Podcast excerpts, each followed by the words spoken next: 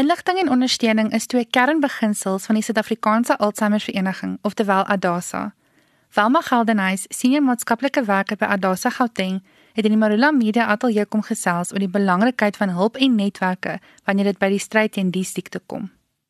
Velma, vertel ons asseblief net 'n bietjie meer oor ADASA. Ons naam het nou baie onlangs verander. Ons was ASA wat beteken Alzheimer Suid-Afrika, maar ons het toe gaan kyk toe ons naam geregistreer is dat daar maar uh, meer as een ASA is wat ook Atletiek Suid-Afrika onder andere is. En toe het ons besluit om ons naam te verander na Adasa toe wat amptelik geregistreer is in Junie 2023 wat staan vir die Association for Dementia and Alzheimer's of South Africa. So dit sluit eintlik baie alles omvattend in want baie mense het vir ons gevra doen julle net Alzheimer's nee ons doen verseker nie net Alzheimer's nie so en ons is 'n organisasie wat ongelooflik baie hulp en is professioneel en gespesialiseerd is in demensie. En kan jy ons bietjie meer vertel oor die verskillende ondersteuningsdienste wat jy bied en is dit vir beide die pasiënte en hulle geliefdes? Adasa staan vir al vir ook ons organisasie dat ons kwaliteit lewe wil gee en die hulle waardigheid wil behou. Dit gaan na alle kante toe. Veral gaan dit na die pasiënt se kant toe om sy waardigheid te hou, behou maar ook sy kwaliteit van lewe. daarmee bedoel ons as daar dan nou ouer persone is wat ook die versorgers is, dat ons baie noulettend is om ook daarna te kyk. Ons dienste behels, ek kan net sê dat na diagnose van die pasiënt wat die mediese deel is. Baie uh, mense word na ons toe verwys deur 'n neuroloog en dokters, maar ook die gemeenskap en ook familie en ook natuurlik mense wat ons al reeds gehelp het. Dan werk ek as maatskaplike werker met die familie. Ons lewer veral ondersteunende en terapeutiese dienste. Nou wat ons daai dienste behels is dat ons konsultasiedienste doen na diagnose wat ek die hele familie inkry en met hulle 'n uur en 'n half, 2 ure onderhoud voer konsultasie en dan wat die konsultasie aanbetref dan doen ons 'n ontleding van die individuele persoon want geen persoon wat gediagnoseer is is dieselfde nie. En hierdie siekte gaan deur die brein elke persoon op 'n unieke manier. So hulle moet vir my dan die agtergrond gee. Wat is hulle bekommernisse? Wat verstaan hulle? En in hierdie konsultasie hoor ek dan wie almal is en dan ehm um, werk ons 'n plan daarvolgens uit. En uh, dan doen ons ook uh, verder in die konsultasie 'n toekomsbeplanning van die versorging en moontlike versorging en wanneer moet daar versorging kom en hoe die proses gaan moet loop as sou daar ooit na 'n fasiliteit gekyk word. Ons gedurende na so eerste konsultasie ondersteun ons hierdie persone dwars deur die hele proses. En dan eh, raak ons ook aan die regsaspekte wat baie mense vra in so 'n geval van 'n persoon met demensie. En dan uh, daar's drie aspekte wat belangrik is. Dit gaan oor die bank waarin die pasiënt en die persoon moet ingaan wat demensie het om die bank uh, sake reg te kry en tekenregte te kry. Maar dan is daar ook 'n wet op ouer persone wat baie min mense van bewus is, Wet 13 van 2006 wat ons ook as riglyn gebruik. Dis 'n baie kliniese riglyne dat ons ook vir die persone ondersteun uh die familie om te sê uh, jy mag net meer wetlik uh self as versorger optree nie want onder andere in die wet staan dat die persone wat uh, gediagnoseer is met 'n tipe demensie moet versorg word deur professionele versorgers uiteindelik. Ek praat van uiteindelik. Daar's 'n uh, maar ons help die persone ook daar en dan het ons geweldig baie ondersteuningsgroepe. Ons het byvoorbeeld in Gauteng 26 ondersteuningsgroepe in al die areas wat eenmal 'n week bymekaar kom. Ons het 'n Zoom ondersteuningsgroep ek self maak dit vir my 'n doel om ook met al die familie wat oor see bly ook in 'n Zoom konsultasie om 'n tafel te sit laat ons almal op dieselfde bladsy bly. En dan het ons veral 'n uh, baie sterk opleiding wat uh, ons vir versorgers gee wat in fasiliteite is en uh, wat in is die spesifieke afdeling werk en ons het ook 'n Zoom opleiding wat elke tweede maand gebeur wat veral gaan oor families en almal kan dan insit een familie uh, of die as daar 'n versorger tuis is en hulle het nog nie die opleiding nie sit hulle ook in die Zoom opleiding. En dan het ons baie ons groot missie is ook om dat mense moet bewus wees van wat die siekte werklik is want daar's baie miskonsepsies oor die siekte toestand. Ons lewer praatjies oral waar ons kan. Is vir ons baie lekker om praatjies te lewer. En ja, ons het uh, elke nood of behoefte wat daar is, voor spreek ons aan betreffende en rakende die aspekte van hierdie siekte toestand. En September is natuurlik Alzheimer bewustheidsmaand. Wat is van die goed wat julle doen hierdie maand spesifiek om die kollig daarop te plaas? Ek gaan begin by ons RID wat so 4 eh, jaar terug begin het. Dit is Run Against Dementia en dit is juis begin deur Frank Hunt, wie se vrou op 'n vroeë ouderdom gediagnoseer is wat die early onset dementia gehad het. In die early onset dementia word hier op laat 40s 50 gediagnoseer. Sy stans in die 70 is al 20 jaar wat sy met die siekte toestand lê. Hy's 'n groot maratonhardloper en hulle het eers in die begin van stad tot stad gehardloop of uit uh, Pretoria Durban toe. Ons praat van die road trips. Toe het COVID gekom en toe het ons RID gemaak, Run Against Dementia. Ons het afgeskop. Dis virtueel enige een kan deelneem. Hulle kan nou nog inskryf. Jy kan op ons webwerf gaan, jy kan op ons Facebook gaan. Elkeen doen dit op sy eie pas en hulle kan loop, hardloop of 'n uh, fietsry. Ons jongste persoon wat ingeskryf het is 3 jaar. Uh, hulle kry hulle nommer. Dit is elke elke dag met ons ehm um, teehemde pamflette en goed wat ons uitdeel.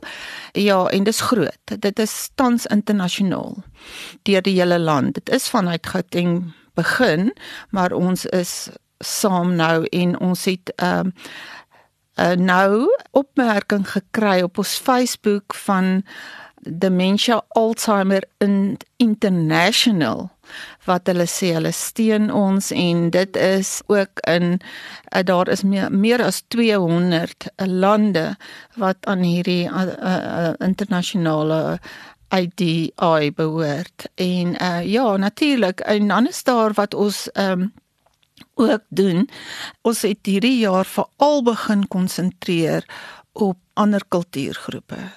Uh ons het begin werk en ons het uh, vroeg al Junie maand begin en uh community developers geëien in Gauteng is nou Atteridgeville en uh Soweto en Heidelberg en Bronkhorstspruit waar ons mense in die gemeenskap geëien het wat uh, ons opgelei het en wat nou vir 'n jaar vir ons onder al die verskillende kultuurgroepe gaan 'n uh, bemarking doen.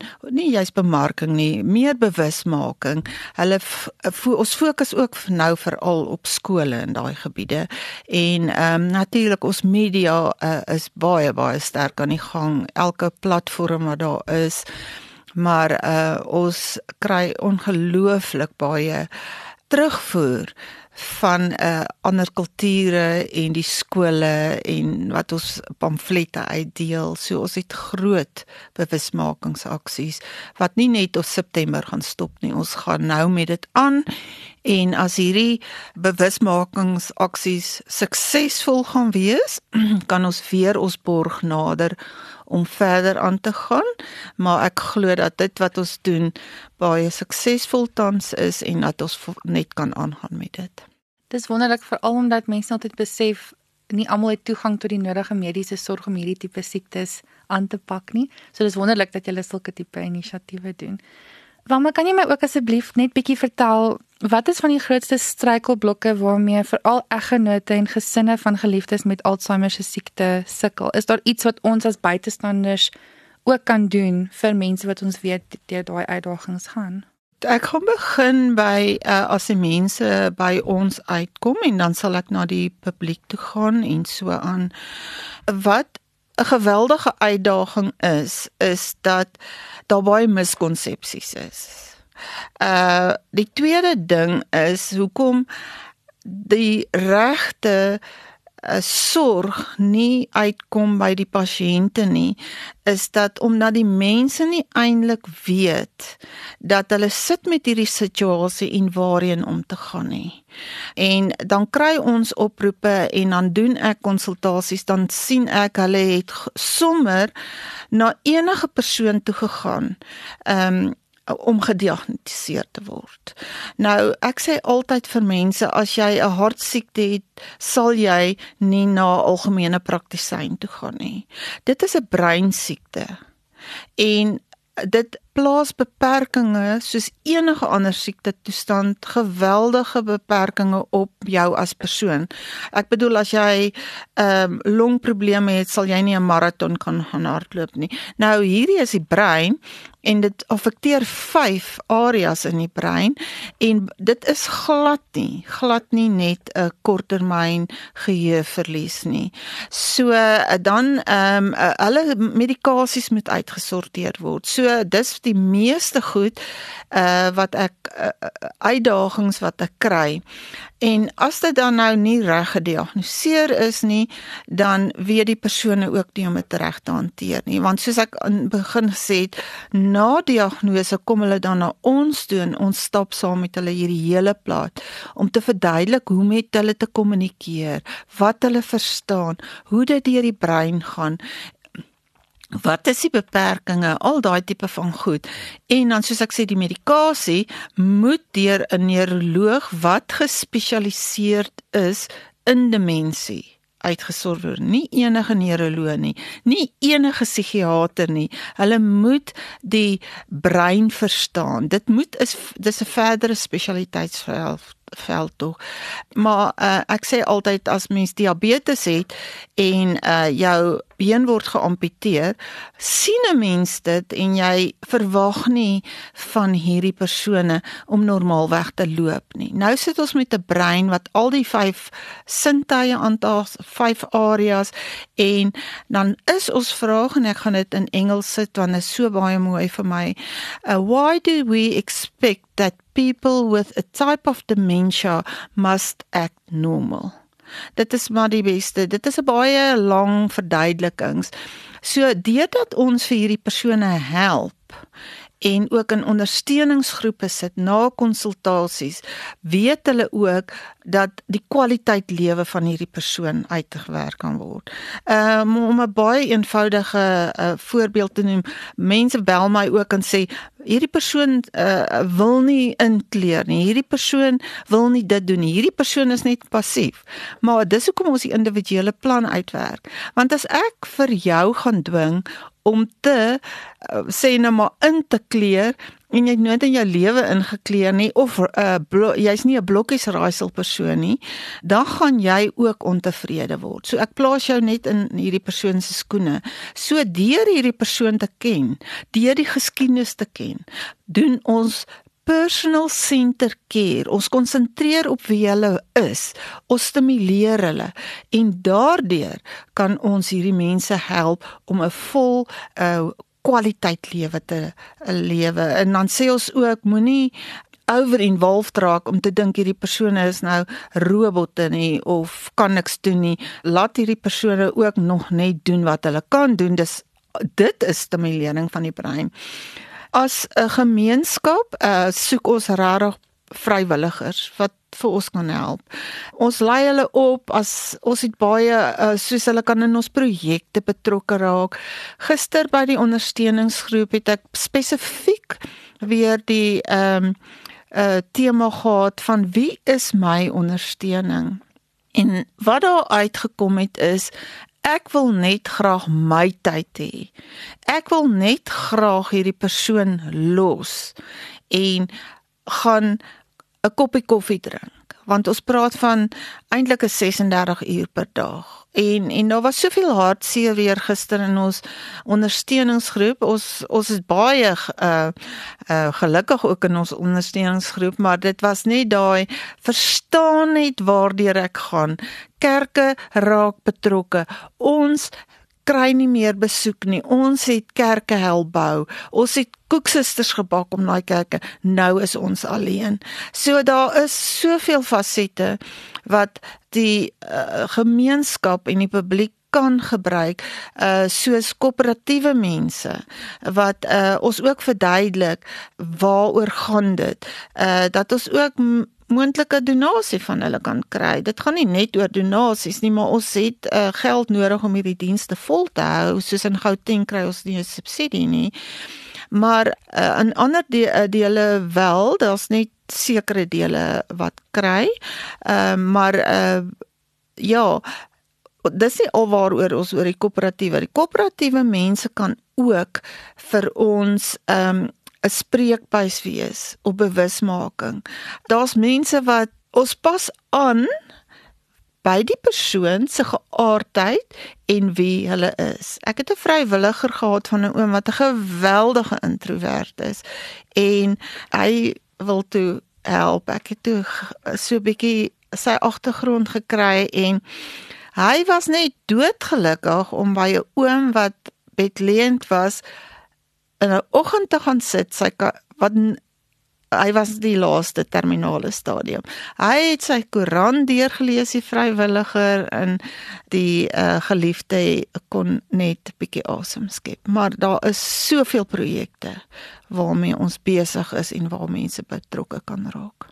Ons het voorheen met 'n gesin gepraat wat deur hierdie siekte geraak word en hulle het gesê dat 'n mens soms ook na die mooi of amper die humor daarin moet raak sien om deur die moeilike tye te kom. Stem jy hiermee saam? Ja, absoluut. Absoluut. Jy moet die joy in hierdie siekte sien en dit kan net gebeur as as uh jy weet waaroor so 'n persoon optree en hoe om hierdie persoon te hanteer en dan lag almal sommer saam.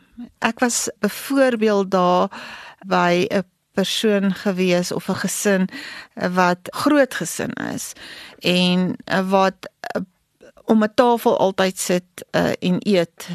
Maar dit het ook 'n invloed op die Alzheimer persoon so tussen hakies want dit raak te besig vir hulle. Hulle is eintlik een op een persoon wat kos heerlik was. Kyk, kos en kuier om 'n tafel was vir hierdie persoon, eh, vir hierdie familie baie belangrik. En toe die dogter so iewes sê, "Pappa, het jy lekker geëet?" Hy sê, "Dis sleg." Slegte kos. Dan speel jy maar in hulle wêreld en ons mm. almal het gelaag want ons weet nou die uh, smaak het verander. Dan sê sy, "Pappa, ons is so jammer dat ons so slegte kos eet, maar ons ander." so ja, uh, daar is baie baie oomblikke wat mense dit kan geniet. Daar is baie tye wat jy moet uitvind en kyk wat julle nog kan saam doen. Ek het 'n ander persoon gehad wat baie lief was vir die natuur.